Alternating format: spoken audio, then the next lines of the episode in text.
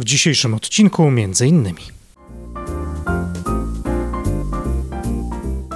Jeżeli ja mam to brzydko mówiąc gdzieś, jako menedżer albo jako handlowiec, to będę sprzedawał e, ludziom albo będę zarządzał ludźmi dobrze, tylko tymi, którzy są podobni do mnie i wyjdzie mi to tak po prostu.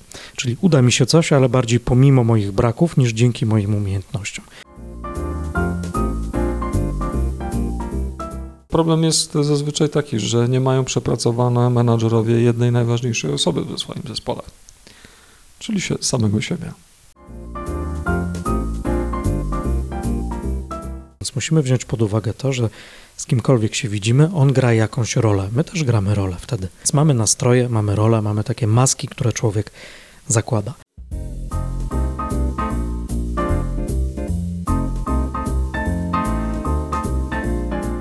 Cześć, serdecznie witamy w kolejnym odcinku naszego podcastu Biznes Antidotum. Cześć, witajcie serdecznie. Oskar Płukiś. Zapraszamy na kolejny ciekawy odcinek. A ja nazywam się Michał Ebert i od razu zacznę od takiego pytania, Oskarze. Czy słyszałeś kiedyś od ludzi, z którymi pracujesz, od swoich agentów nieruchomości albo właścicieli agencji, którym doradzasz, albo w ogóle biznesów? Czy słyszałeś takie zdania, mmm, to był trudny klient, z tym człowiekiem trudno się dogadać, jakoś specyficzny człowiek, nie mogę z nim do końca zrobić biznesu? Wiesz, e, Michał, nie dość, że słyszałem, to jeszcze słyszałem o takich wpisach do CRM-u. Pani była niemiła. Hmm. Specyficzna właśnie, to słowo mi się podoba Mhm. też.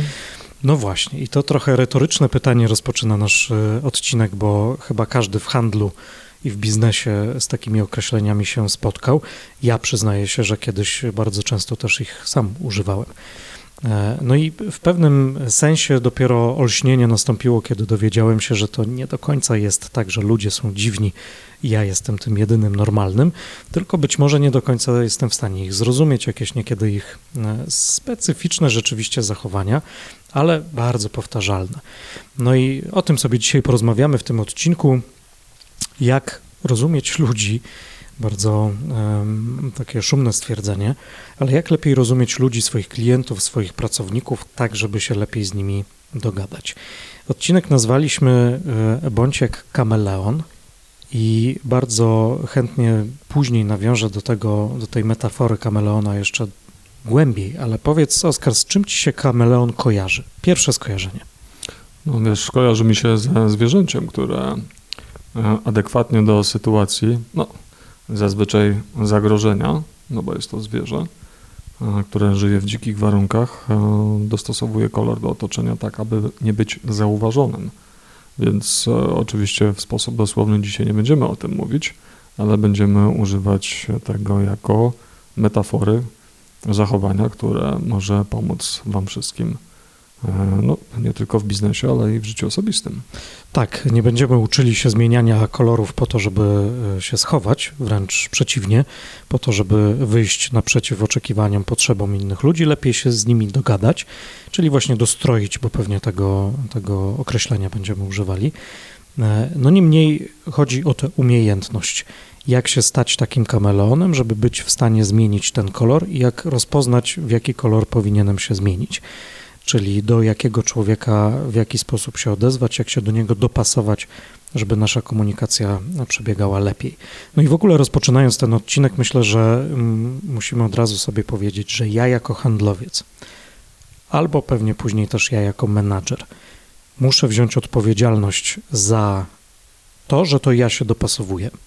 Czyli nie mogę iść na spotkanie handlowe albo na rozmowę ze swoim pracownikiem z takim przekonaniem, przeczuciem, że inni muszą się dopasować do mnie, bo to wtedy nie zadziała, to ja muszę przynajmniej włożyć jakiś wysiłek, zaangażowanie, żeby rozpoznać, z kim rozmawiam i jak najlepiej, optymalnie będzie z nim e, się komunikować, tak żebyśmy się zrozumieli i porozumieli. No i teraz e, zaczynając e, pracę z e, tymi kolorami, czyli tymi typami osobowości, chyba najlepiej jest powiedzieć o tej, e, o tej klasyfikacji, którą rozpoczął uczeń Freuda, czyli e, Carl Gustav Jung. No i on podzielił osobowości człowieka generalnie na cztery różne rodzaje. I dzisiaj e, w biznesie bardzo popularne są różne narzędzia psychometryczne, które nawiązują dokładnie do tej samej metody, do tej samej teorii. Czasami to są kolory czerwony, żółty, zielony, niebieski, czasami to są literki D, I, S, C e, albo FRIS. Jest bardzo dużo różnych takich metod. Niemniej każda właściwie korzysta z tego samego modelu i to jest model e, osobowości Junga. Czyli mamy jakiś typ dominujący, mamy typ komunikatywny, mamy taki typ sceptyczny, no i zachowawczy. To jest w miarę łatwe do zrozumienia i cechy charakterystyczne dla tych typów są też na tyle charakterystyczne właśnie, że zwykle nie jest trudno rozpoznać, kto jest kim, po nawet jakiejś krótkiej chwili rozmowy. Gdzie się pojawia problem? Problem pojawia się wtedy, jeśli zrozumiemy, że żaden z nas, praktycznie żadne z nas, nie jest jednym tylko z tych typów, jest jakąś mieszanką, jest miksem różnych i to w różnych sytuacjach życiowych też te proporcje się zmieniają. Więc e, sprofilowanie, tak e, mówiąc językiem kryminalnym, bardziej sprofilowanie człowieka, kim on jest, jak się do niego dostosować, wcale nie jest takie łatwe, bo odcieni jest bardzo dużo. E, no i tu się pojawiają takie stereotypy, z którymi ja bym chciał bardzo walczyć, żeby nie szufladkować ludzi zbyt mocno w tym, w tym profilowaniu. E, no niemniej z jakiegokolwiek narzędzia takiego psychometrycznego, czy to jest DISC, czy to jest Insights Discovery, czy Freeze właśnie, czy kilka innych, jeżeli będziecie korzystali, to y, mam nadzieję, że ktoś podpowie wam, żeby właśnie nie brać tego aż tak mocno dosłownie. Nie wiem, Oskar, czy ty miałeś okazję y, zetknąć się z tymi narzędziami jakoś w swojej zawodowej pracy?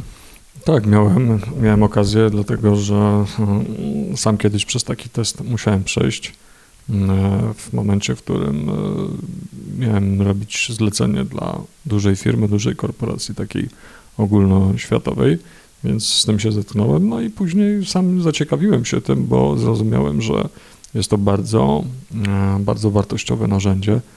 E, no, przez ostatnie lata o tym sobie dużo rozmawiamy. Mieliśmy kiedyś też ciekawy webinar z panią psycholog, z Krzyśkiem Rzepkowskim, których pozdrawiam, w którym rozmawialiśmy również o wykorzystaniu właśnie tych narzędzi do rekrutacji. E, no nawet mogę powiedzieć, że wczoraj jechałem z, z jednym z menadżerów jednej z największych agencji nieruchomości w Polsce. Jechaliśmy pociągiem, rozmawialiśmy na różne tematy, co warunkuje e, no, udany, zdrowy biznes.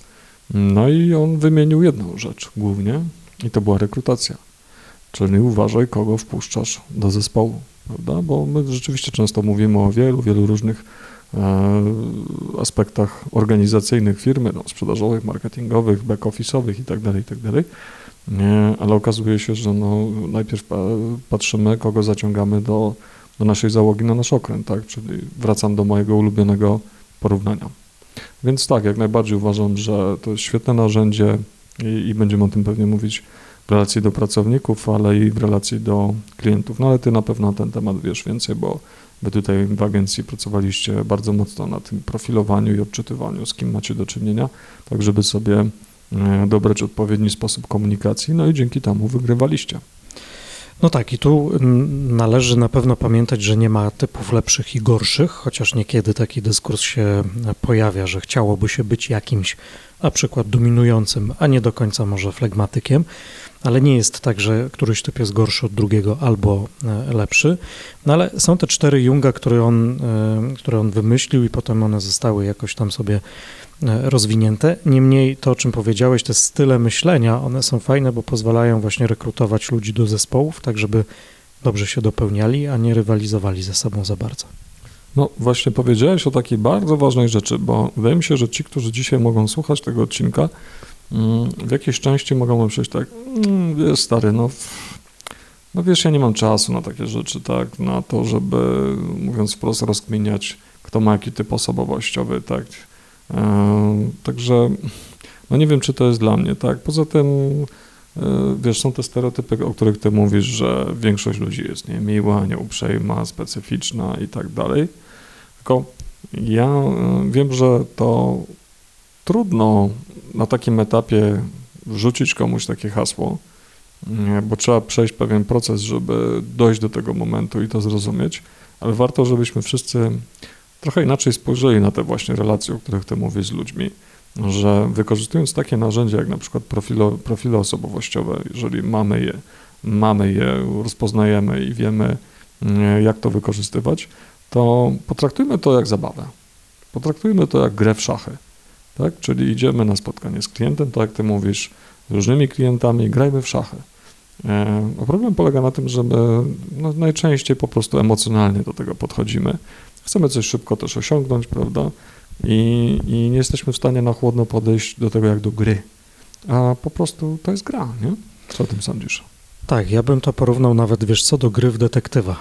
E, idąc na spotkanie z klientem albo rekrutując ludzi do pracy, bawiłbym się w Sherlocka Holmesa, który szuka drobnych wskazówek, który patrzy na zachowanie człowieka, rozpoznaje coś, co jest gdzieś tam pod skórą, powiedzmy, dopatruje się różnych motywacji, motywów e, zachowań i przez to jest w stanie lepiej do tego człowieka trafić, bo u podłoża dobrej pracy z typami osobowości jest podejście, że ja jestem ok i ty jesteś ok.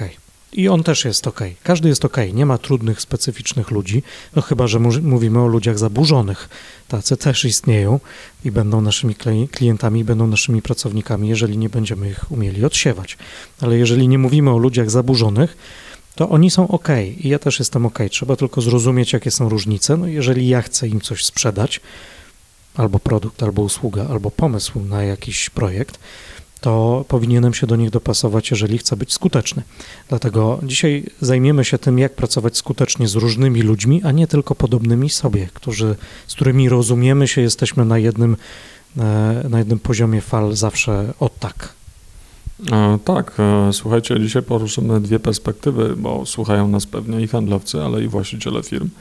No, ja myślę, że to jest bardzo, bardzo ważny temat, chociażby mogę powiedzieć o perspektywie właścicieli. Jeżeli teraz e, mnie słuchasz, nas słuchasz, właścicielu, no to mm, na pewno masz ten gdzieś tam częsty ból z pracownikami, którzy wracają z miasta z terenu i mówią, no nie, no znowu wiesz, nie, no masakra, no nie dało się z nim w ogóle dogadać i tak dalej, nie?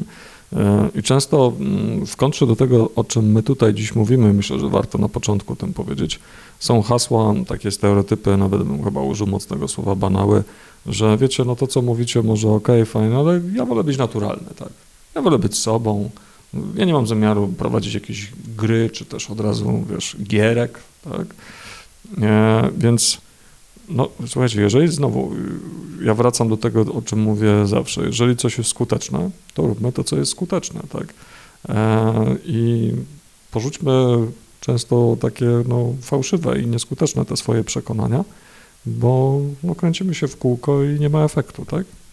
I nie traktujmy tego jako manipulację, bo mi nie chodzi o to, żeby do różnych typów tak. ludzi mówić inny komunikat, tylko powiedzieć to samo, ale w inny sposób, z inną intonacją, innymi słowami, albo używać innych sposobów koncentrowania uwagi tego mojego słuchacza, żeby powiedzieć mu generalnie to samo.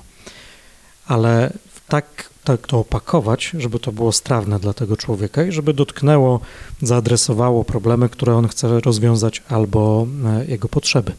Więc tu trzeba trochę też jakiegoś empatycznego podejścia, w którym zastanowimy się, czego potrzebuję, na czym zależy temu mojemu słuchaczowi, żeby móc na to odpowiedzieć. Jeżeli ja mam to brzydko mówiąc gdzieś, jako menedżer albo jako handlowiec, to będę sprzedawał e, ludziom albo będę zarządzał ludźmi dobrze, tylko tymi, którzy są podobni do mnie i wyjdzie mi to tak po prostu. Czyli uda mi się coś, ale bardziej pomimo moich braków niż dzięki moim umiejętnościom. No i dzisiaj chciałbym, żeby ta nasza rozmowa pozwoliła dzięki naszym umiejętnościom, wiedzy i świadomości umieć zarządzać każdym i sprzedawać każdemu. Ja jeszcze powiem e, kilka słów do menadżerów, właścicieli, tak, którzy borykają się z takimi tematami lub e, no nie wiedzą, jak do tego podejść, nie rozumieją. Być może sami są trochę przeciwni, jeszcze nie rozumieją, ale zobaczcie, pracujemy z ludźmi, prawda? Pracujemy z klientami, pracujemy ze swoimi pracownikami i musimy też ich jakoś przekonać do tego. Musimy dać im wiedzę, e, dlaczego to jest e, skuteczne. E, ale zobaczcie, no, jeżeli nie człowiek, to zobaczmy, co się dzieje na przykład w e-commerce. No przecież tam ludzie również mm, otrzymują bardzo konkretne komunikaty, które są sprofilowane, które są zaplanowane, tak? Które mają po prostu przekonać ludzi do pewnych działań. No i w zasadzie robi to jakaś maszyna, a wcześniej człowiek to programuje. I tak samo tutaj, jeżeli pracujemy człowiek z człowiek, człowiek z człowiekiem, no to sytuacja jest bardzo podobna. Zgodzisz się? Zgodzę się i ta maszyna może być skuteczna, to oprogramowanie, tylko wtedy, jeżeli ma odpowiednią ilość informacji. Czyli e, ona wie, co ci zaproponować, jaki produkt, bo wie, jakie seriale oglądasz, co lubisz, czym się interesujesz i tak dalej, gdzie bywasz. No i o te informacje właśnie chodzi, czyli ja, żeby dobrze pracować z ludźmi i się z nimi dobrze komunikować, muszę być ich ciekawy, chcieć zadawać pytania i zbierać te informacje, które pozwolą mi dopasować dobrze komunikat. I to jest moim zdaniem e, podstawa w ogóle w tym całym dostrojeniu, o którym sobie pogadamy. A propos takich trochę anegdot, żeby nie było tak cały czas poważnie, a propos mówisz zbierania informacji, mogę wam e, podrzucić taki case e, z, z prawdziwy na faktach z lat 90. jeszcze, kiedy biznes się rodził. Jakiś czas temu rozmawiałem z jednym z takich, z takich dyrektorów w firmie, który zaczynał Zaczynał swoją karierę w latach 90. i pracował z jednej z e, sieci kablowych. Sprzedawali nie, to takie kabelki, wiesz, tam kiedyś były, nie? Po mieszkaniach chodzili przedstawiciele handlowi. I wyobraź sobie, że tak się do tego przyłożyli porządnie, że sprawdzali, co jest w śmietnikach mieszkańców. Żeby wiedzieć, czym się interesują, co jedzą, by też ich sprofilować na tej podstawie. No i teraz wiesz, jak ja o czymś takim opowiadam, to prawdopodobnie większość mówi, nie no, oczywiście zwariowali, czy chcecie, żebyśmy grzebali po śmietnikach? Oczywiście nie, ale pokazuję wam, jak e, do jakich, e, do jakich działań często posuwają się firmy, żeby być skutecznym, nie? Więc e, to, o czym my dzisiaj tu mówimy, no to, to nie będzie jakiś rocket science w zasadzie, tak? Zgodzisz się? To nie będzie rocket science, ale to będzie e, niekiedy może przełomowe, głównie na tym e, poziomie myślenia właśnie, że wszyscy są w porządku. Czyli jeżeli ja się z kimś nie dogadałem, to biorę to na siebie, bo nie potrafiłem do niego dotrzeć, nie zebrałem odpowiedniej liczby informacji, ilości informacji na temat tego, czego on potrzebuje, czego się boi, na przykład, bo te lęki w sprzedaży czy w ogóle w pracy są bardzo istotne. E, więc biorę to na siebie i jeżeli ktoś nie jest gotowy na tym etapie przyjąć takiego punktu myślenia, to polecam wyłączyć ten podcast, bo i tak nie skorzystasz, drogi słuchaczu, z tego, co będzie później. Trzeba niestety e, wyjść z tej swojej strefy komfortu i ze strefy myślenia, że tylko ja jestem ok i inni mnie nie rozumieją, żeby e, móc skutecznie działać. No, przepraszam, że ci powiem, chyba, że to ci cały czas działa, That's okay. Ale zastanów się spokojnie gdzieś tam, tak? Zamknij się na chwilę w pokoju, zastanów się, czy na pewno to działa. Nie, nie chcę, żebyśmy wyszli tutaj na jakichś, e, wiesz, e, kaznodziei życiowych, ale ta wiedza przydaje się w każdej dziedzinie życia, nie tylko w sprzedaży i w zarządzaniu, ale w ogóle w komunikacji, bo o komunikacji mówimy z partnerem, partnerką, siostrą, bratem, kimkolwiek. E, ta wiedza pomaga po no, prostu. No, wyobraź sobie, że e, wpadasz na pociąg, znaczy na dworzec PKP spóźniony, masz 5 e, minut i musisz kupić bilet i musisz jakąś tą sytuację rozwikłać. No i możesz zrobić aferę na dworcu, przy kasie, tak? Albo możesz to załatwić w inny sposób, mając takie narzędzia, o których ty będziesz mówił. Tak, to się przydaje w wielu, w wielu sytuacjach. Ja ostatnio wyrabiałem dowód osobisty i potrzebowałem go 10 razy szybciej niż normalnie trwa procedura i ta wiedza też mi bardzo pomogła, wyrobiłem dokument. No Michał, trzeba było od razu rozpocząć tak odcinek. Jak załatwić prawo, e, prawo jazdy tak 10 dowód razy osobisty, tak, tak, niż, niż normalnie. Jak załatwić Zapraszamy. prawo jazdy bez egzaminu. To oczywiście żart. Dobra, przechodzimy do tego Junga, no bo to jest trochę archaiczna e, klasyfikacja, ale jest punktem wyjścia. Cztery typy. Pierwszy typ, od niego zwykle się zaczyna, typ taki zawodniczy, typ dominujący w e, kolorach, może kolorami sobie pójdziemy, bo ostatnio korzystałem właśnie z tej metody Insights. To jest kolor czerwony. No i to jest taki człowiek, który lubi fakty, lubi twarde wartości. Często ocenia ludzi, to jest jego jakiś taki nawyk. E, I z reguły, jakby sobie wyobrazić to, jak on myśli o sobie i o innych, to inni są troszkę niżej, a on jest troszkę wyżej, albo dużo wyżej. E, człowiek, który no, lubi rywalizować i potrzebuje mieć takie potwierdzenie, że jest lepszy, dąży do celu, bardzo do brzegu. E, I to może brzmieć jako zaleta i jako wada, no bo każda z tych cech właściwie taką jest. To jest tylko kwestia natężenia.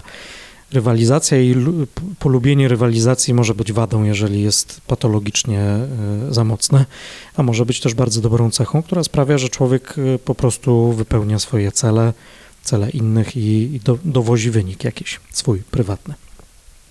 To jest człowiek, który czasami patrzy z góry, ale też świetnie ocenia i kontroluje, ocenia też sytuację, więc e, on może się nadawać do roli zarządzającego, jeżeli oczywiście będzie potrafił powstrzymać swoje czasami takie dyktatorskie, nazwałbym, e, cechy. No i to jest akurat raczej zrozumiała wiedza dla każdego, że taki typ jest i prawie każdy zna kogoś takiego, bo to jest też w Polsce dosyć popularny typ osobowości. On pozwala się dostosować do wielu różnych sytuacji, w których my historycznie też musieliśmy się dostosowywać. E, niemniej ja lubię patrzeć na te typy, jak sobie mówimy o tych czterech rodzajach, trochę szerzej, trochę głębiej, czyli czego taki typ się boi, jaki jest jego strach. I tu okazuje się, że strach tego typu dominującego główny to jest strach przed utratą kontroli. I to będzie można wykorzystać w komunikacji z człowiekiem, dając mu odpowiednie poczucie kontroli, nawet w negocjacjach to jest szalenie istotne, wiedząc, że on tego potrzebuje. Tylko znowu muszę to wiedzieć, muszę zebrać te informacje. Dlaczego ten typ jest taki, jaki jest? Jung sobie rozpisał dwie takie główne osie, które się krzyżują ze sobą.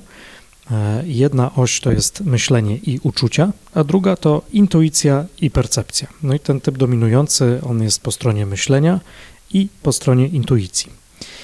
Później idziemy sobie dalej w tym, e, w tym wykresie i mamy typ żółty, czyli taki bardzo komunikatywny. Często to jest wizjoner, to jest gwiazda jakby zobaczyć go wśród innych ludzi, to on lubi być w środku tych ludzi, ale jest niezależny, czyli on się nie wtapia w grupę, nie jest jedną, e, jedną jakąś tam drobinką w tłumie, tylko raczej chce mieć ten spotlight na sobie, chce być widziany.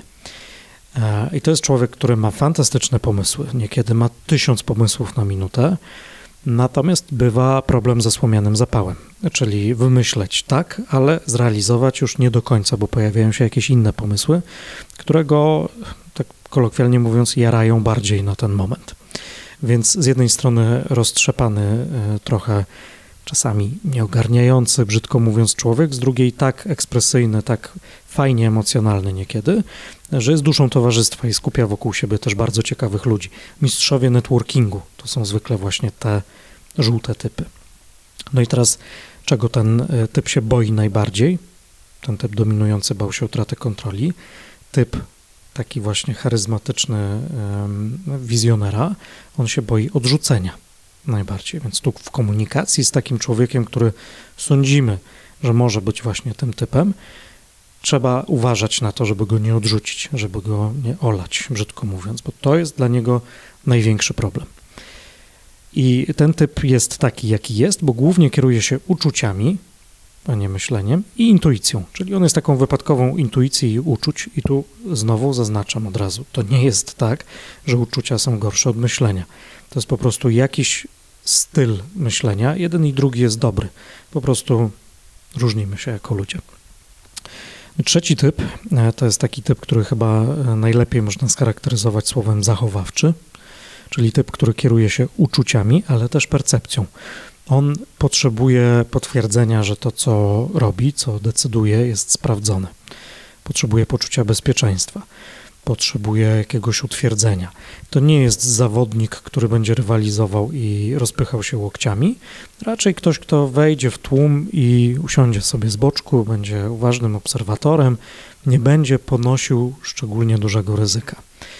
To jest typ doskonały do zarządzania ryzykiem właśnie, między innymi, chociaż pewnie lepszy będzie jeszcze ten jeden ostatni. Natomiast e, to jest tak, potrafi być w zespole taki stoper, który powie, chwila, chwila, zastanówmy się, spójrzmy na to jeszcze tak. Trochę boi się zmiany ten, ten człowiek.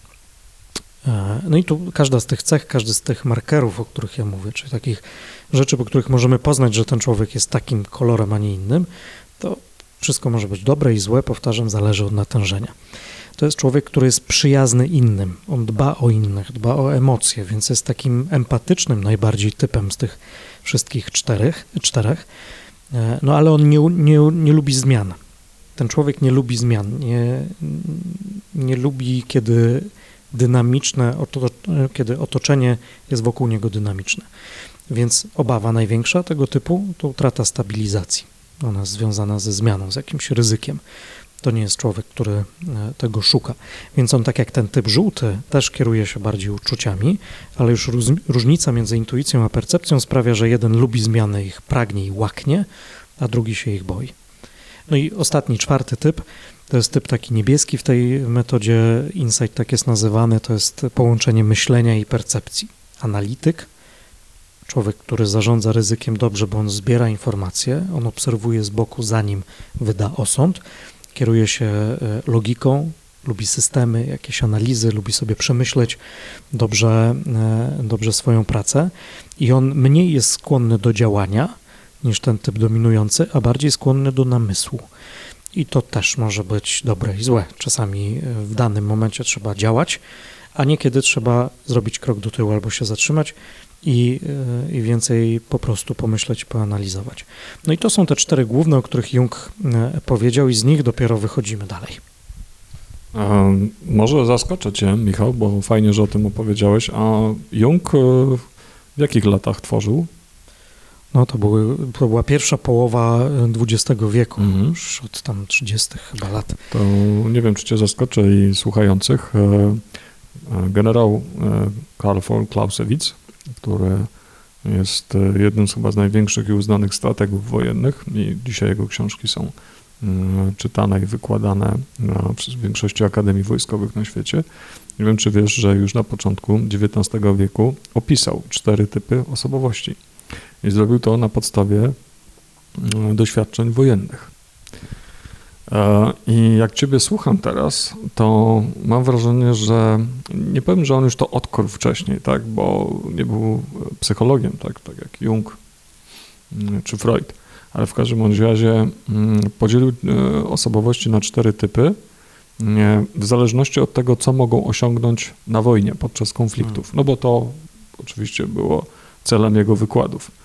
E, I mogę tutaj Wam powiedzieć, z tego co pamiętam, tą czwartą personą, która może najwięcej osiągnąć na wojnie, jest właśnie osoba, która z jednej strony mm, potrafi spokojnie analizować, powściągnąć emocje, e, patrzeć, jakie są ryzyka, czyli to, co jest w esce, ale jednocześnie potrafi to połączyć z szybką decyzją, jeżeli jest taka potrzeba, bo wynika to z działań wojennych, które tego wymagają. Prawda? Czyli ten typ czerwony czy D, bo powiedziałeś tak. o SC, to jest ta, ta, ta, zielona strona. Czyli na przykład tutaj, co, co mówisz, ta SK, z tego co rozumiem, e, raczej nie nadaje się do tego, żeby być na przykład wodzem czy głównym menadżerem, tak, bo ona będzie chyba zawsze się gdzieś tam trochę zawieszała w tej mhm. swojej decyzyjności, zawsze będzie zwlekać, zawsze będzie obawa, czy na pewno taka, taka, czy taka decyzja, A, nawet, B, C. Nawet może bardziej ten typ C, który jest taki analityczny, on tak mhm. roz, rozmyśla. Mhm. No tak, tak, to jest bardzo ciekawe. W ogóle ta wiedza wiedza człowieka, którą dzisiaj mamy dostępną, to zawsze można do Greków starożytnych albo Egipcjan gdzieś się cofnąć i Grecy mhm. przecież już mówili o tych czterech typach, żywiołach, ogień, woda, powietrze, to też się gdzieś tam spina, więc człowiek miał już dawno temu jakieś wyobrażenie, że no dobra, nie jesteśmy wszyscy tacy sami, są jakieś powtarzalne nasze cechy, które można próbować ubrać w takie komplety. No ale dopiero Jung ubrał to w oparciu o pewne e, badania i był podstawą dla reszty dalszych naukowców, psychiatrów i psychologów, żeby zastanowić się nad tym, e, co jest bardziej. No i dopiero moim zdaniem pełnię tej wiedzy może dać e, analiza transakcyjna jeszcze. Mhm. To ja jeszcze tylko dodam, że mm, dlaczego Clausewitz e, podzielił, czy też stworzył te, te persony. Dążył do tego, żeby określić E, jakie warunki muszą powstać po, po, po stronie osoby, żeby zostać na przykład e, generałem głównym lub e, wodzem naczelnym? Twierdził, że tylko takie osoby mogą dokonać czynów wybitnych. Prawda? I dlaczego o tym mówię? No co to może mieć wspólnego z nami? Tak? No my nie jesteśmy ani na wojnie, ani nie chcemy być generałami, wodzami. Tak? Oskar, uspokój się, tak? zejdź na ziemię. Ale ja uważam, że generalnie fajnie jest jednak równać do góry niż do dołu. Więc w swoim naszym codziennym życiu, czy to pracując jako handlowiec, to o czym ty opowiadasz, czy to jako menadżer, no, starajmy się iść jednak w tą lepszą stronę, żeby dokonywać czynów wybitnych. I czynem wybitnym może być e, piękne, fajne, gładkie w cudzysłowie pozyskanie na przykład jakiejś oferty nieruchomości, tak? Lub też mm, jakaś mm, wysokiej jakości decyzja firmie, dobrze wprowadzona, dobrze zaimplementowana, którą świetnie odbierze i zespół, i na przykład e, klienci. No więc e, no również zachęcam do, do takiego podejścia. Fajne porównanie. Bardzo mi się podobało to, o czym powiedziałeś, że ten może osiągnąć rzeczy wybitne na wojnie, które potrafi powściągnąć swoje emocje mhm. i zadziałać w oparciu o dobrą analizę. No i to jest właśnie to, co w negocjacjach jest przecież istotne biznesowych. Handlowych. I to jest coś, co jest najtrudniejsze, prawda? Co jest takim ostatnim schodkiem, na który menadżerowie chociażby już nie potrafią wejść. Mhm. Ja przynajmniej mam takie doświadczenia, także e, potrafią analizować, potrafią y, wdrażać coś, mm, potrafią dewelopować, jak to się mówi, ale gdzieś na końcu emocje biorą górę i to się wszystko wali. No i niestety e, to jest nam bliskie e, wszystkim chyba, ale zrozumienie tych emocji, umiejętność nazwania ich, ćwiczenie się w odzwierciedlaniu emocji innych też pozwala lepiej sobie ze swoimi poradzić. No niemniej, tak, rzeczywiście to jest często problem. E, a powiedz mi, Michał, czy y, tutaj ta szkoła, o której ty mówisz, e, wspomina, czy jest jakiś miks, tak samo jak ja tutaj mówiłem, tak, o, o Klausewicu, czy jest jakiś może miks o takiej, nie wiem jak to nazwać, no nie chcę nazywać tego superhuman, bo od razu część ludzi się wzburzy, ale osoby, która może sobie gdzieś tam, powiedzmy to w cudzysłowie, łatwiej przechodzić przez życie. Hmm. Dzięki pewnym, y, pewnym elementom tych person przy jakimś miksie. Czy jest coś takiego w tej szkole? E, hmm. To zależy, co robisz, w jakim środowisku się odnajdujesz i, i czym się zajmujesz.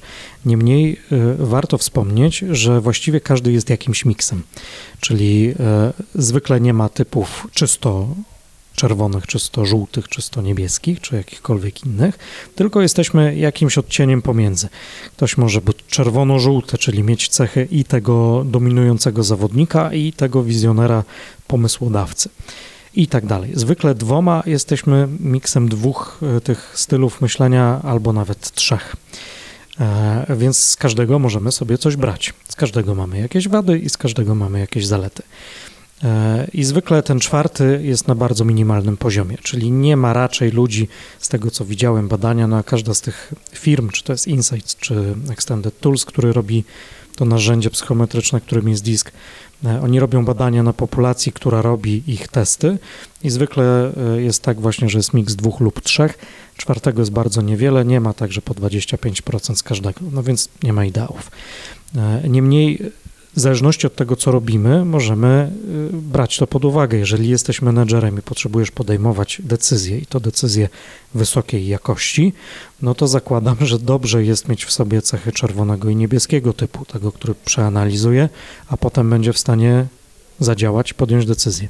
A czy uważasz, że na zasadzie e, ściągi ten, e, tą szachownicę, którą masz tutaj rozrysowaną z tymi cechami osobowości, taki menadżer, który dopiero się uczy, ćwiczy, trenuje, praktykuje, myślę, że może mieć przed swoimi oczami w momencie, w którym podejmuje ważne decyzje? Myślę, że tak. Może mieć kilka rzeczy. Możemy to nawet sobie wspólnie z takim menedżerem rozrysować. Możemy sprawdzić, kim on jest i kim jest jego zespół. E, zrobić taki audyt osobowości, powiedziałbym. E, ale to wymaga chwili. Czyli to nie jest tak, że się spotkamy na godzinkę. Potrzebujemy na to często parę, paru dni, bo właśnie, zobaczmy, mamy cztery typy i mamy jakieś ich miksy. Ale w niektórych narzędziach to się pojawia, w niektórych nie. Akurat w Insights Discovery, który lubię, to się pojawia. Rozróżnienie na nastroje. Czyli jakim dany typ jest człowiekiem, jakie cechy prezentuje w dobrym nastroju albo w kiepskim nastroju. No i teraz ten typ dominujący w dobrym nastroju rywalizuje zdrowo i czysto. Chce osiągać cele. Może podejmować e, z chęcią decyzje, brać na siebie te decyzje, które warto podjąć. No, widać w zespole chociażby sprzedażowym, że taki człowiek powinien raczej sobie radzić dobrze. No ale w kiepskim nastroju to będzie ktoś, kto będzie się właśnie rozpychał łokciami, kto będzie po trupach na przykład szedł do celu, albo będzie bardzo wybuchowy, dyrektywny. I no nie oszukujmy się, każdy z nas ma czasem kiepski, czasem dobry nastrój. Samoświadomość jest tu istotna, żeby móc, móc się niekiedy powstrzymać, ale też, żeby nie obrazić się na kogoś takiego, jeżeli w dany sposób się zachowa, bo my wiemy, że on taki jest, może nad sobą pracować, no ale to już jest nasza odpowiedzialność, żeby spróbować na to mądrze zareagować. Ja od razu może dam taką konkretną podpowiedź dla osób, które często znajdują się w takiej sytuacji. Myślę, że no większość z nas no, wpada w takie sytuacje, zwłaszcza na przykład w sprzedaży, tak. Na początku powiedzieliśmy niemiły, niesympatyczny i tak dalej, i tak dalej. E, zmęczenie, frustracja, irytacja. E, to, co się poleca w takiej sytuacji, to jest wycofanie. W takiej sytuacji trzeba się wycofać.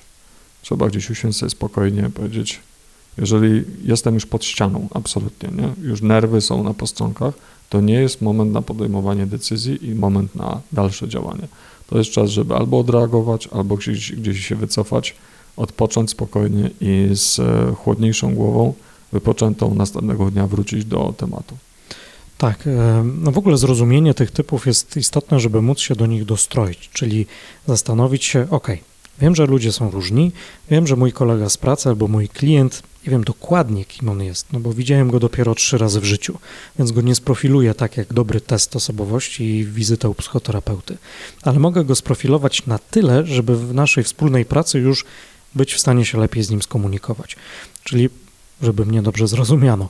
Nie chodzi mi o to teraz, drogi handlowcu czy menedżerze, że masz wiedzieć dokładnie, kto jest, ile ma procent z jakiego typu.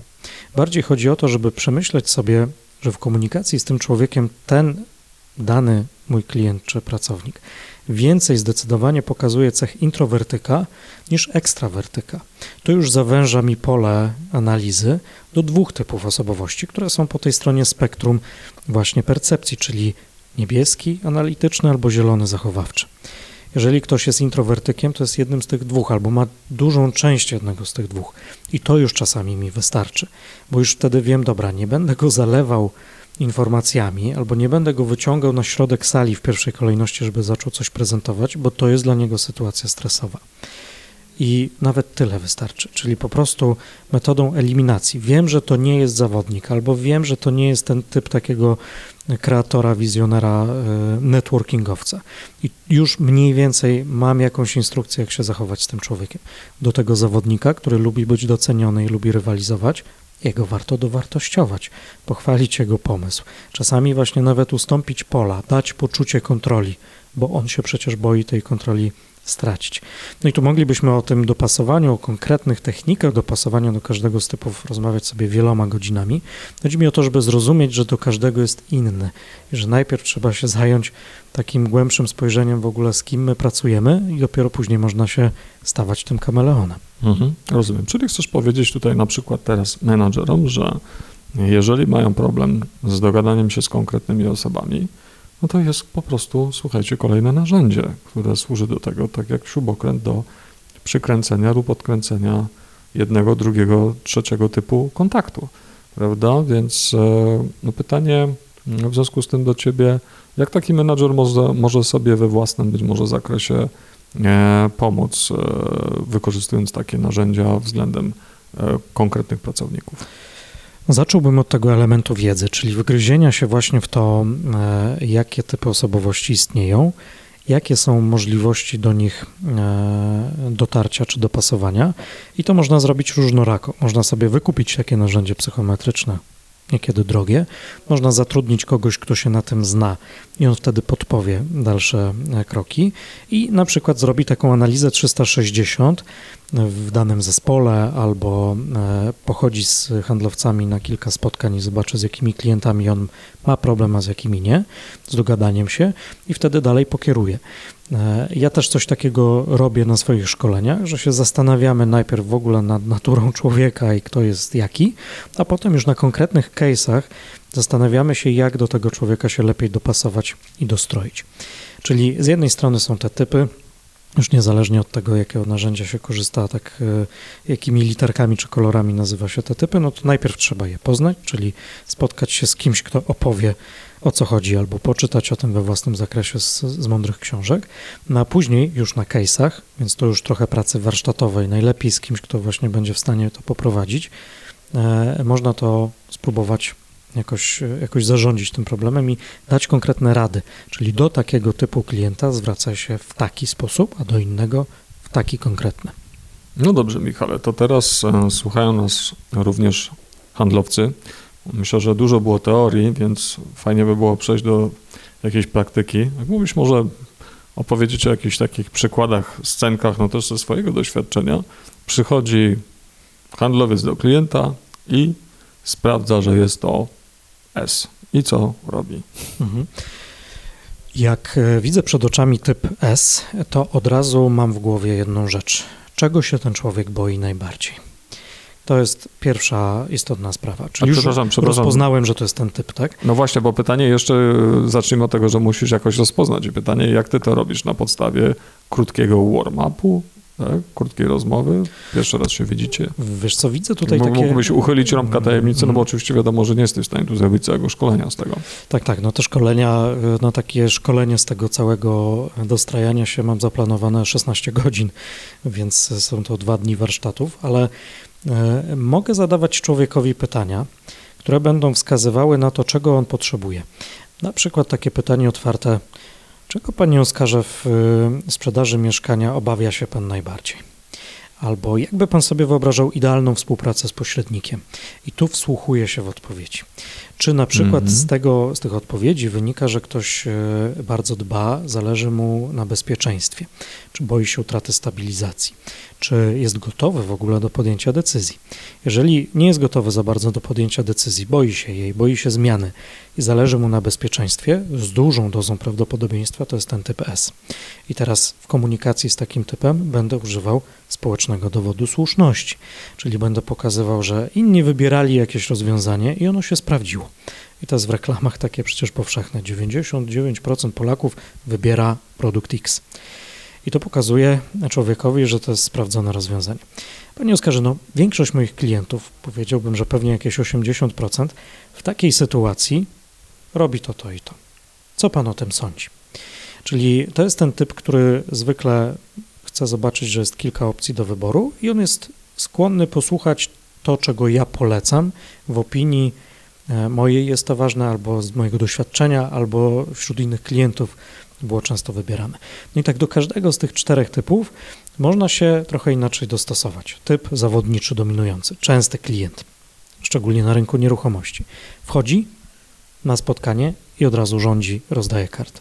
Tak. No i teraz pytanie, czy podkulisz ogon i będziesz y, otwieraczem drzwi, będziesz tylko prezentował, pokazywał i odpowiadał na pytania, czy staniesz prosto, spojrzysz mu w oczy, skonfrontujesz się nawet nieco i powiesz, ja pracuję trochę inaczej i żebyśmy traktowali się partnersko, potrzebuję teraz zadać parę, parę pytań panu. Czy to jest dla pana ok, żeby te chwilę zainwestować, czy też nie i po prostu rozchodzimy się, no bo dalej moja praca jako doradcy nie będzie miała sensu. Czyli tu trzeba trochę, y, no niestety, asertywności, bo ten typ dominujący zawodniczy, on będzie ludzi sprawdzał. On będzie szedł na spotkanie i będzie sobie dawał w głowie 5 minut, żeby zobaczyć, czy się spotyka, brzydko mówiąc, z jakimś frajerem, bo on tak myśli czasem o ludziach, czy się spotyka z wartościowym doradcą, z wartościowym menedżerem i czy warto inwestować w niego dalej swój czas. I wtedy ten początek spotkania, pierwsze wrażenie jest bardzo ważne. Nie chodzi o to, żeby wchodzić w jakieś komunikacyjne MMA, tylko żeby umieć zachować asertywną postawę i sobie ją budować. Do typu S to nie będzie potrzebne, tam jest ważna empatia i zrozumienie. Więc e, no, to warto na warsztatach sobie przećwiczyć. Także odpowiadając na Twoje wcześniejsze pytanie, polecam dla swojego zespołu zorganizować po prostu warsztaty, w których ludzie zastanowią się, kim są, jakie są typy do nich antagonistyczne, z kim najtrudniej jest im się porozumieć, i wtedy już na case'ach z konkretnej branży, na konkretnych obiekcjach i na konkretnych przypadkach e, ćwiczyć tę wiedzę i ćwiczyć to dostrojenie i, i, i zmienianie koloru, jak kameleon. No, słuchaj, to jest duże wyzwanie tutaj rzucamy, wiesz, bo już widzę te głosy w zespole. co on tutaj wymyślił, tak, co ona tutaj wymyśliła. Będą nam tutaj sprawdzać osobowości, tak, zaglądać nam do tyłu głowy, Hmm. rozumiesz? To jak mówisz o tyle głowy, to ja jeszcze coś dorzucę. Bo okazuje się, że y, typy Junga, czy tam według Junga, to jest jedno. Ekstrawersja, introwersja, myślenie, uczucia, super. Ale to wszystko nie jest takie proste, bo e, już Eric Bern i wszyscy później kolejni naukowcy, którzy całą teorię analizy transakcyjnej rozwijali, odkryli, że w głowie człowieka, czy w umyśle człowieka są właściwie trzy takie stany ja, trzy stany ego. To jest stan ego rodzica, dorosłego i dziecka. No i w idealnym świecie każdy z każdym komunikowałby się na poziomie mój dorosły, twój dorosły, ale to zwykle nie ma miejsca i albo na poziomie takim społecznym, coś co z boku widać, gadamy sobie jak dorośli, Znam to fantastycznie. ale tak naprawdę mój rodzic mówi do twojego dziecka, a twoje dziecko odpowiada mojemu rodzicowi. W biznesie, w zespołach y, handlowych, y, w firmach bardzo często się to zdarza. No i teraz e, tutaj trzeba mieć świadomość tego, że z perspektywy tej analizy, znaczy modelu strukturalnego, to są tylko te trzy, ale w modelu behawioralnym, czyli jak ludzie się zachowują, jest jeszcze to bardziej skomplikowane, bo mamy tam rodzica opiekuńczego albo rodzica e, takiego e, dyrektywnego właśnie. Mamy dziecko przystosowane i mamy dziecko wolne. Jest zbuntowane albo uległe. No i teraz komunikacja między ludźmi, te stosunki między ludźmi będą zdrowe, jeżeli nie będzie w nich różnych gier, o których mówi analiza transakcyjna. Także jeżeli chciałoby się uzdrowić chory zespół w firmie, to trochę tam należy w ogóle przeprowadzić terapię w oparciu o tę, o analizę. I nie o tym jest dzisiejszy odcinek, bo o tej analizie można by mówić wieloma, wieloma godzinami. Są mądrzejsi ode mnie w tym zakresie, ale chciałbym na jedną rzecz zwrócić uwagę, że AT, czyli analiza transakcyjna, mówi nie tylko o stanach ego i nie tylko o komunikacji między nimi i o grach, ale mówi też o czymś bardzo ważnym z perspektywy tych modeli osobowości, czyli o głodach. I człowiek, każdy, ma trzy głody. Głód struktur, czyli głód hierarchii, głód jakiegoś uporządkowania czasu, jakiegoś celu w swoich działaniach, poczucia sensu. Ma głód każdy stymulacji, bodźców i głód rozpoznania, czyli coś, co kiedyś właśnie Eric Bern nazywał głaskami, ale to mogą być rozpoznania też negatywne. Krytyka, zwrócenie uwagi na cokolwiek, pochwała, to wszystko są tak zwane znaki rozpoznania. No i każdy człowiek jakoś ich łaknie, tylko łaknie ich w różnych proporcjach. I teraz znowu, każdy z tych typów osobowości w trochę innych proporcjach odczuwa te głody. Możemy to sobie skleić z tym modelem czterech typów Junga. Typ ten żółty, ten typ I, typ, e, który uwielbia być w świetle, na scenie, uwielbia prezentować, pokazywać wpada na wiele pomysłów. Czy on ma duży głód struktur, tabeli, jakichś takich strukturalizowania czasu, poczucia sensu, konkretów? No nie do końca, ale ma ogromny głód rozpoznania. On potrzebuje pozytywnych znaków rozpoznania, jakichkolwiek nawet, czyli on potrzebuje, żeby na niego zwracać uwagę. On potrzebuje również dużo stymulacji. Z kolei introwertycy, typ C, typ niebieski. Czy on potrzebuje dużo stymulacji? No nie do końca. No ale właśnie ten typ niebieski, bardzo uporządkowany, bo on potrzebuje struktur. On potrzebuje i czasu ustrukturyzowanego, i poczucia sensu, i hierarchii. On potrzebuje dokładnie wiedzieć, z jakim problemem do kogo się zwrócić w organizacji. No i teraz, mając dopiero tę świadomość, że te typy to jedno, ale pod spodem są jeszcze trzy głody, z których każdy ma trochę, ale w różnych proporcjach, zadając odpowiednie pytania, można dopiero dotrzeć do tego, czego ty potrzebujesz i jaki jesteś. I ja wtedy mogę ciebie, Oskarze, rekrutując cię już do pracy, do jakiegoś zespołu, mogę cię zapytać, z jakim problemem w poprzedniej firmie borykałeś się najmocniej. I jeżeli wtedy usłyszę, wiesz co, no nie wiedziałem do końca, co robić. Nie wiedziałem, do kogo się zwrócić, z jakim problemem.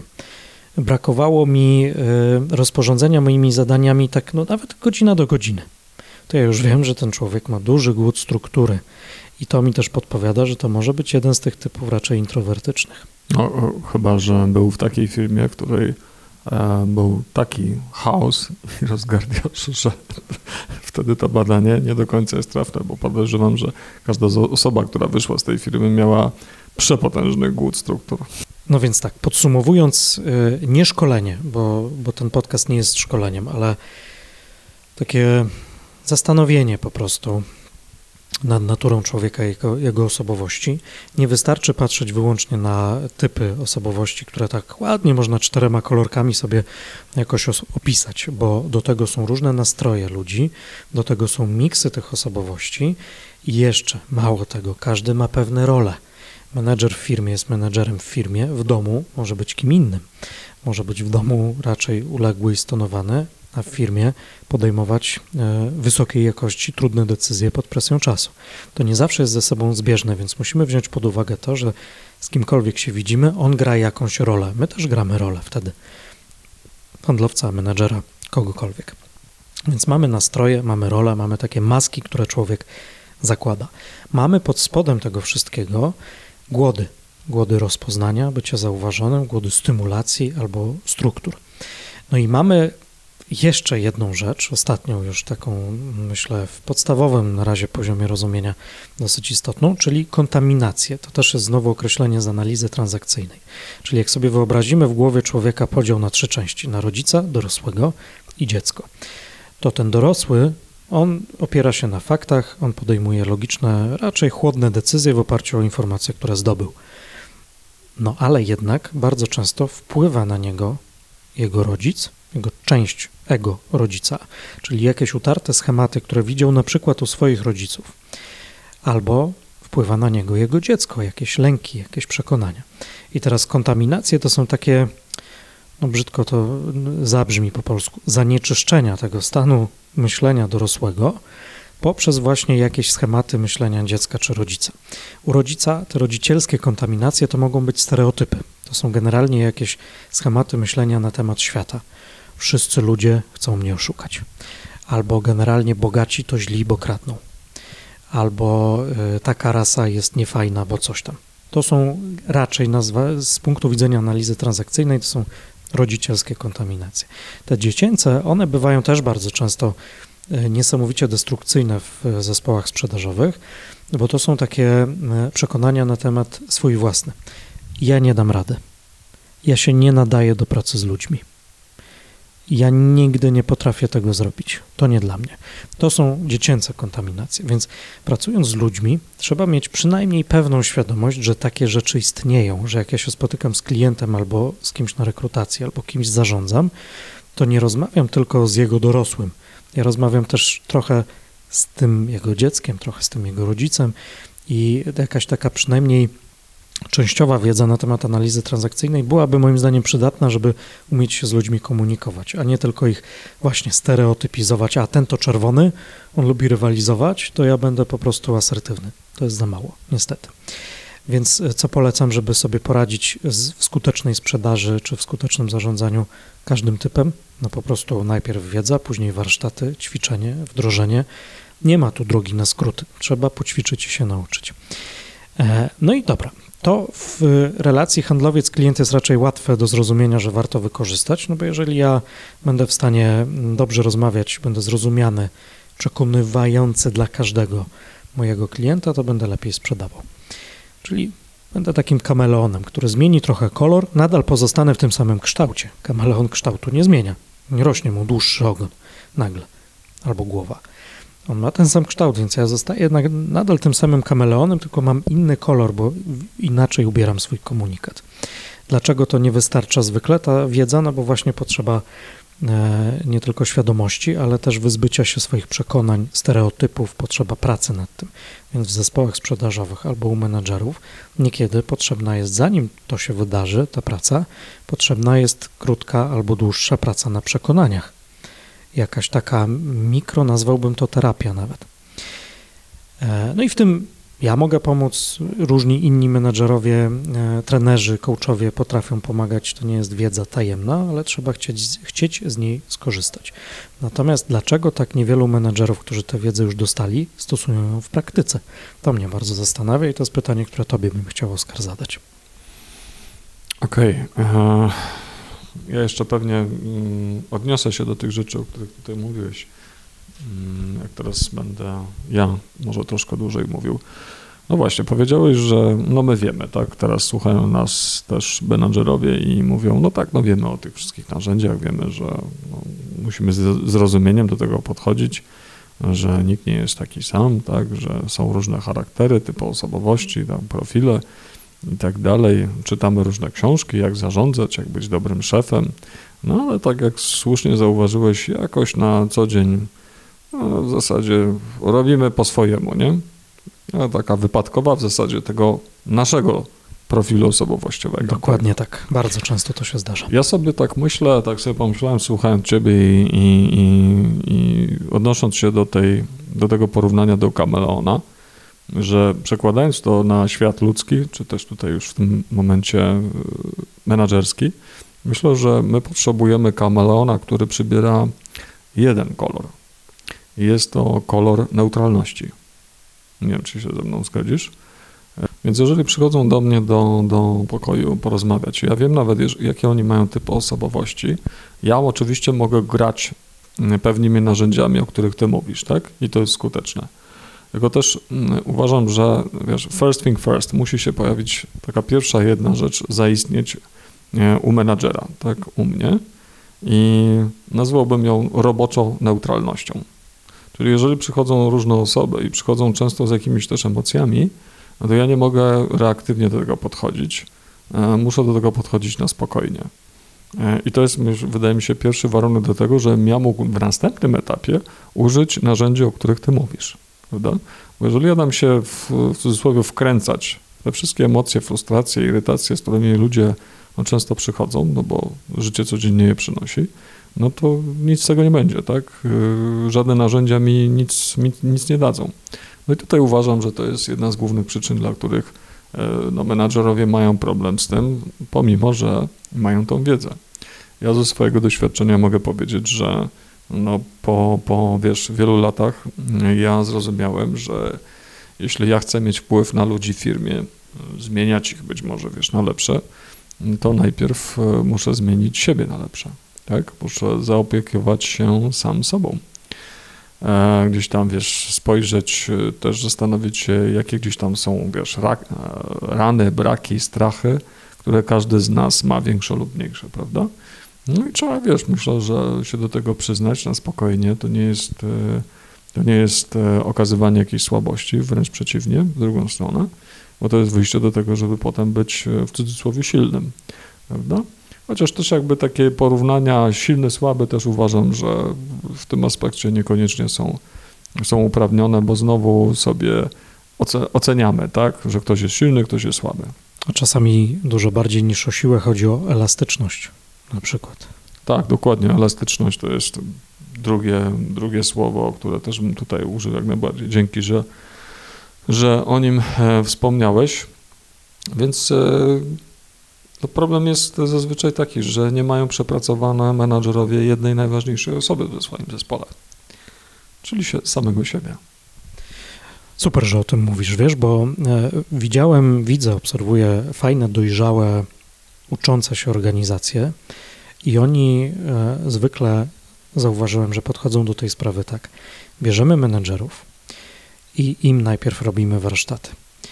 I tu pracujemy na przekonaniach, tu pracujemy na jakichś stereotypach, które się pojawiają, dajemy im wiedzę na temat ludzi, na temat ich samych. Najpierw pracują nad sobą, a później nad swoimi dopiero pracownikami. A dalej dajemy tym pracownikom tę wiedzę, tak żeby oni sami siebie byli w stanie poznać, swoich kolegów, zrozumieć się. I całe piękno w tym dostrojeniu polega na tym, że jak ja jestem typem dominującym i ty mnie nawet dowartościujesz, powiesz mi coś miłego, pochwalisz moją pracę, bo wiesz, że ja to lubię, że to na mnie działa, że to mnie grzeje, i ja nawet o tym wiem, że to jest dowartościowanie, to i tak mi się robi miło. I tak ten pozytywny znak rozpoznania, który mi dałeś, sprawia, że ja zostałem pogłaskany i to, czego ja potrzebowałem, potrzebowałem, zostało zaadresowane. I tak mi jest lepiej. A jak tego nie wiem, bo jestem klientem, to już w ogóle. To jest magia, po prostu. Więc fajnie, że mówisz, żeby zacząć od menedżerów, iść później w dół e, i nie bać się dzielić tą wiedzą z każdym po kolei, bo to tylko usprawnia komunikację później. No wiesz, to jest, ja używam czasami w pracy też z właścicielami firm takie porównanie na przykład do korzenia drzewa, tak?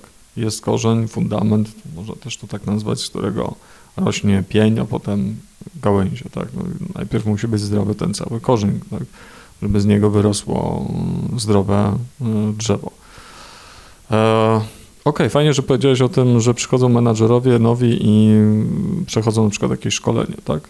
Tylko znowu widzisz, no tutaj wraca to, co było w poprzednim odcinku, czyli zakontraktowanie, czyli świadome, wprost powiedzenie sobie, po co, tu, po co tutaj jesteśmy i co będziemy robili, tak? No to, to pokazuje, że no potrzebujemy otwartego, dojrzałego komunikatu, tak? Z dwóch stron, czy to osoby zatrudniającej, czy to tego menadżera, tak? No, żeby nie było takiego porównania, no to przyszedł pan tutaj zarządzać zespołem, proszę ogarnąć towarzystwo. No to, to wiemy, że często się źle kończy, tak? E, no bo menadżer no nie jest tylko po to, żeby zarządzać, ale po to, żeby brać odpowiedzialność. Odpowiedzialność nie za jedną osobę, tylko nagle bierze je za 10, 20 czy więcej osób. No i to nie chcę używać, wiesz, tutaj słowa, że to jest ogromne brzemię, tak, ale właśnie zamieniłbym je na słowo odpowiedzialność. E, no tutaj być może wróciłbym również do tego, o czym powiedziałeś, to jest fajne, ja też to znam, relacja dziecko-dorosłe. To jest ogromny problem, który, z którym w zasadzie, jeżeli nie wiemy, to spotykamy się w życiu dorosłym prawie codziennie, wydaje mi się, prawda?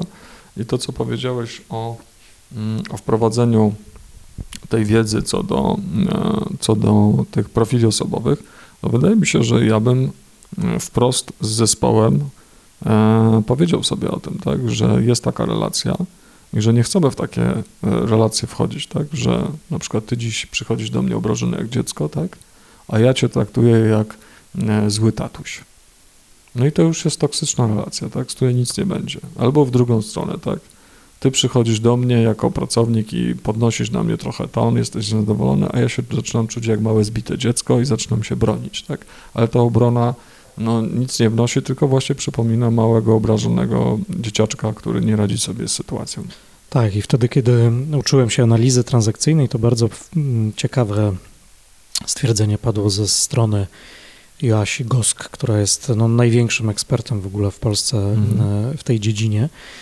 E, I ona ucząc e, moją grupę powiedziała, że te gry, które pojawiają się e, między ludźmi, które właśnie są często na tym ukrytym poziomie, tych ukrytych transakcji, gdzieś tam pomiędzy dzieckiem i rodzicem, to są nieudolne próby wchodzenia w relacje. To są nieudolne próby wchodzenia w relacje ludzi, których głody nie są zaspokojone. I oni głodni częściej grają i te gry zwykle albo prawie zawsze są destruktywne. W związku z czym, żeby uniknąć tych gier różnych, które już mamy sklasyfikowane w różnych tłustych książkach, żeby uniknąć tych nieudolnych prób, trzeba się skupić na tych głodach, struktury, rozpoznania, stymulacji, wiedzieć, kto czego potrzebuje i starać się otwartą, szczerą komunikacją na poziomie dorosły-dorosły, dać temu wszystkiemu, tym grom, jakąś antytezę.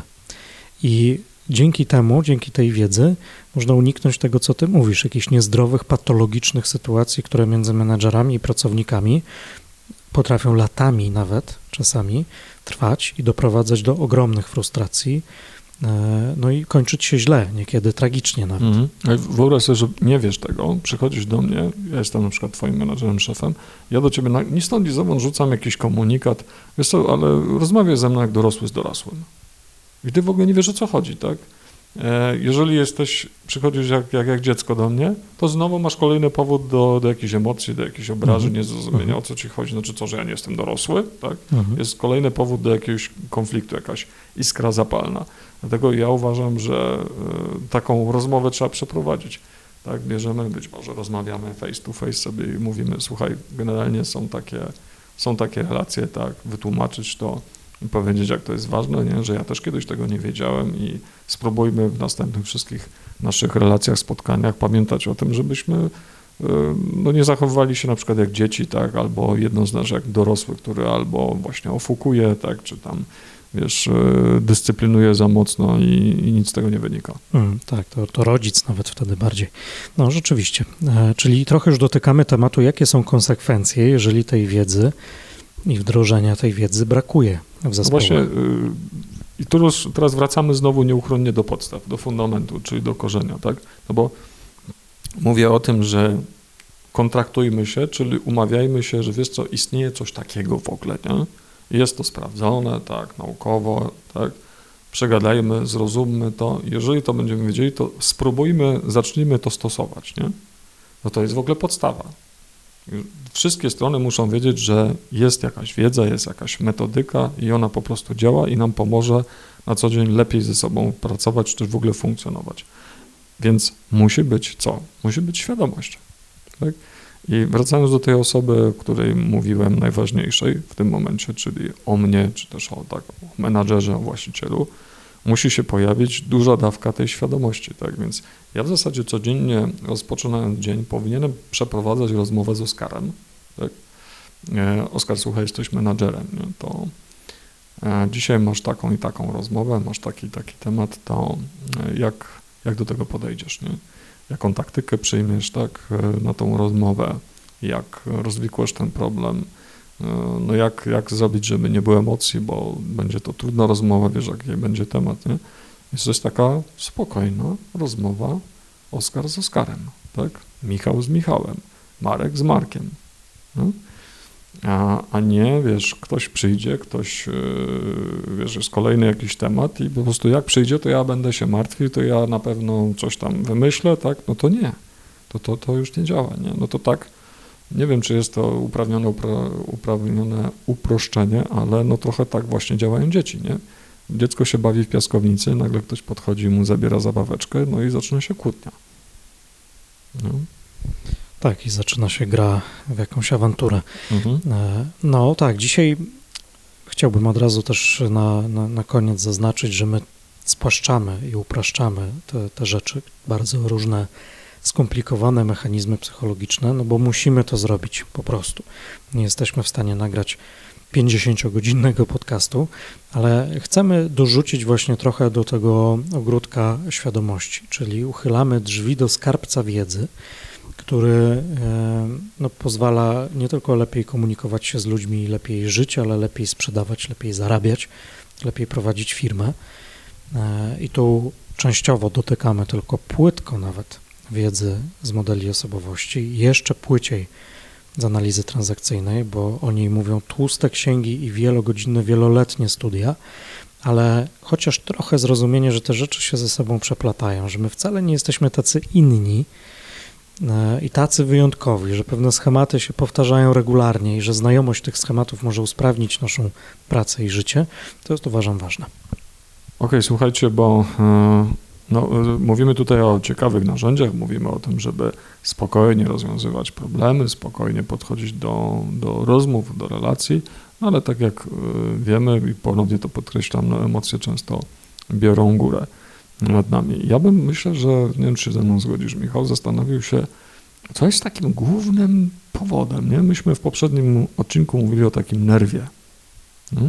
Z czego to się bierze, że to bierze nad nami górę. I jeżeli użyłeś tylu fantastycznych, wiesz, e, informacji z, wiesz, z psychologii, tak, to, no to mam wrażenie, że to wybrzmiewało. Ja też po, po wielu latach doświadczeń to czuję, że tak naprawdę mm, chyba są dwa takie największe problemy, które, e, które sabotują to nasze zachowanie. I to jest lęk lęki, które mamy, różne zakorzenione z dzieciństwa i tak dalej, ale również w tym, w tym e, nawet genetycznie, tak, i to jest udowodnione również naukowo. No, czasami też takie trochę nadmiarowe ambicje, które to ambicje tak naprawdę chyba gdzieś mają bardzo głęboko zakopany, zakopany również lęk jako przyczynę tych ambicji. Tak, no i dopiero świadomość, że takie rzeczy istnieją i jak one nami kierują, może być przyczynkiem jakiejś zmiany. I tu też nie chodzi o to, że każdy z menedżerów teraz czy handlowców ma być jakimś specem e, niesamowitej, e, niesamowitego kalibru od na przykład analizy transakcyjnej, tak jak Joasia Gosko, o której już mówiłem, pozdrawiam serdecznie. To nie o to chodzi. Chodzi o to, żeby zrozumieć, że mój komunikat w stronę mojego pracownika komunikat, który brzmi jak taki dyscyplinujący rodzic, on będzie z automatu wywoływał reakcję zbuntowanego dziecka.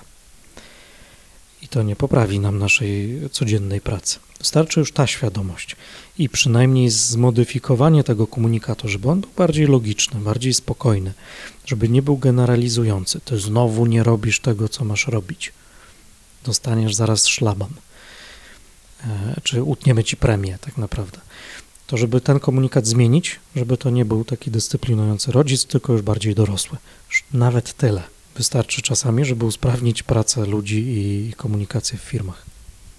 Tak, dokładnie, więc e, ja myślę, że no mówię o tym, bo uważam, że to jest bardzo ważne, tak, bo warto sobie też w codziennej porannej rozmowie czy w wieczornym podsumowaniu dnia e, na przypominać, że być może się teraz denerwuje. Dlaczego? No, bo gdzieś tam te takie demony, jakieś lęki może są i one są, nie? I trzeba też się z tym trochę pogodzić, co nie znaczy, że musimy się im codziennie poddawać, tak? Bo jeżeli się poddajemy, no to rzeczywiście następnego dnia popełniamy błędy w komunikacji, w relacjach e, z najbliższymi i z na przykład pracownikami, czy też klientami, więc ta świadomość codzienna jest bardzo ważna, nie? I uważam, że tutaj kluczem do tego jest codzienne rozmawianie ze sobą i budowanie tej świadomości wewnętrznej, bo dopiero w momencie, w którym wiesz, jest takie określenie fajne wewnętrzna inżynieria, tak?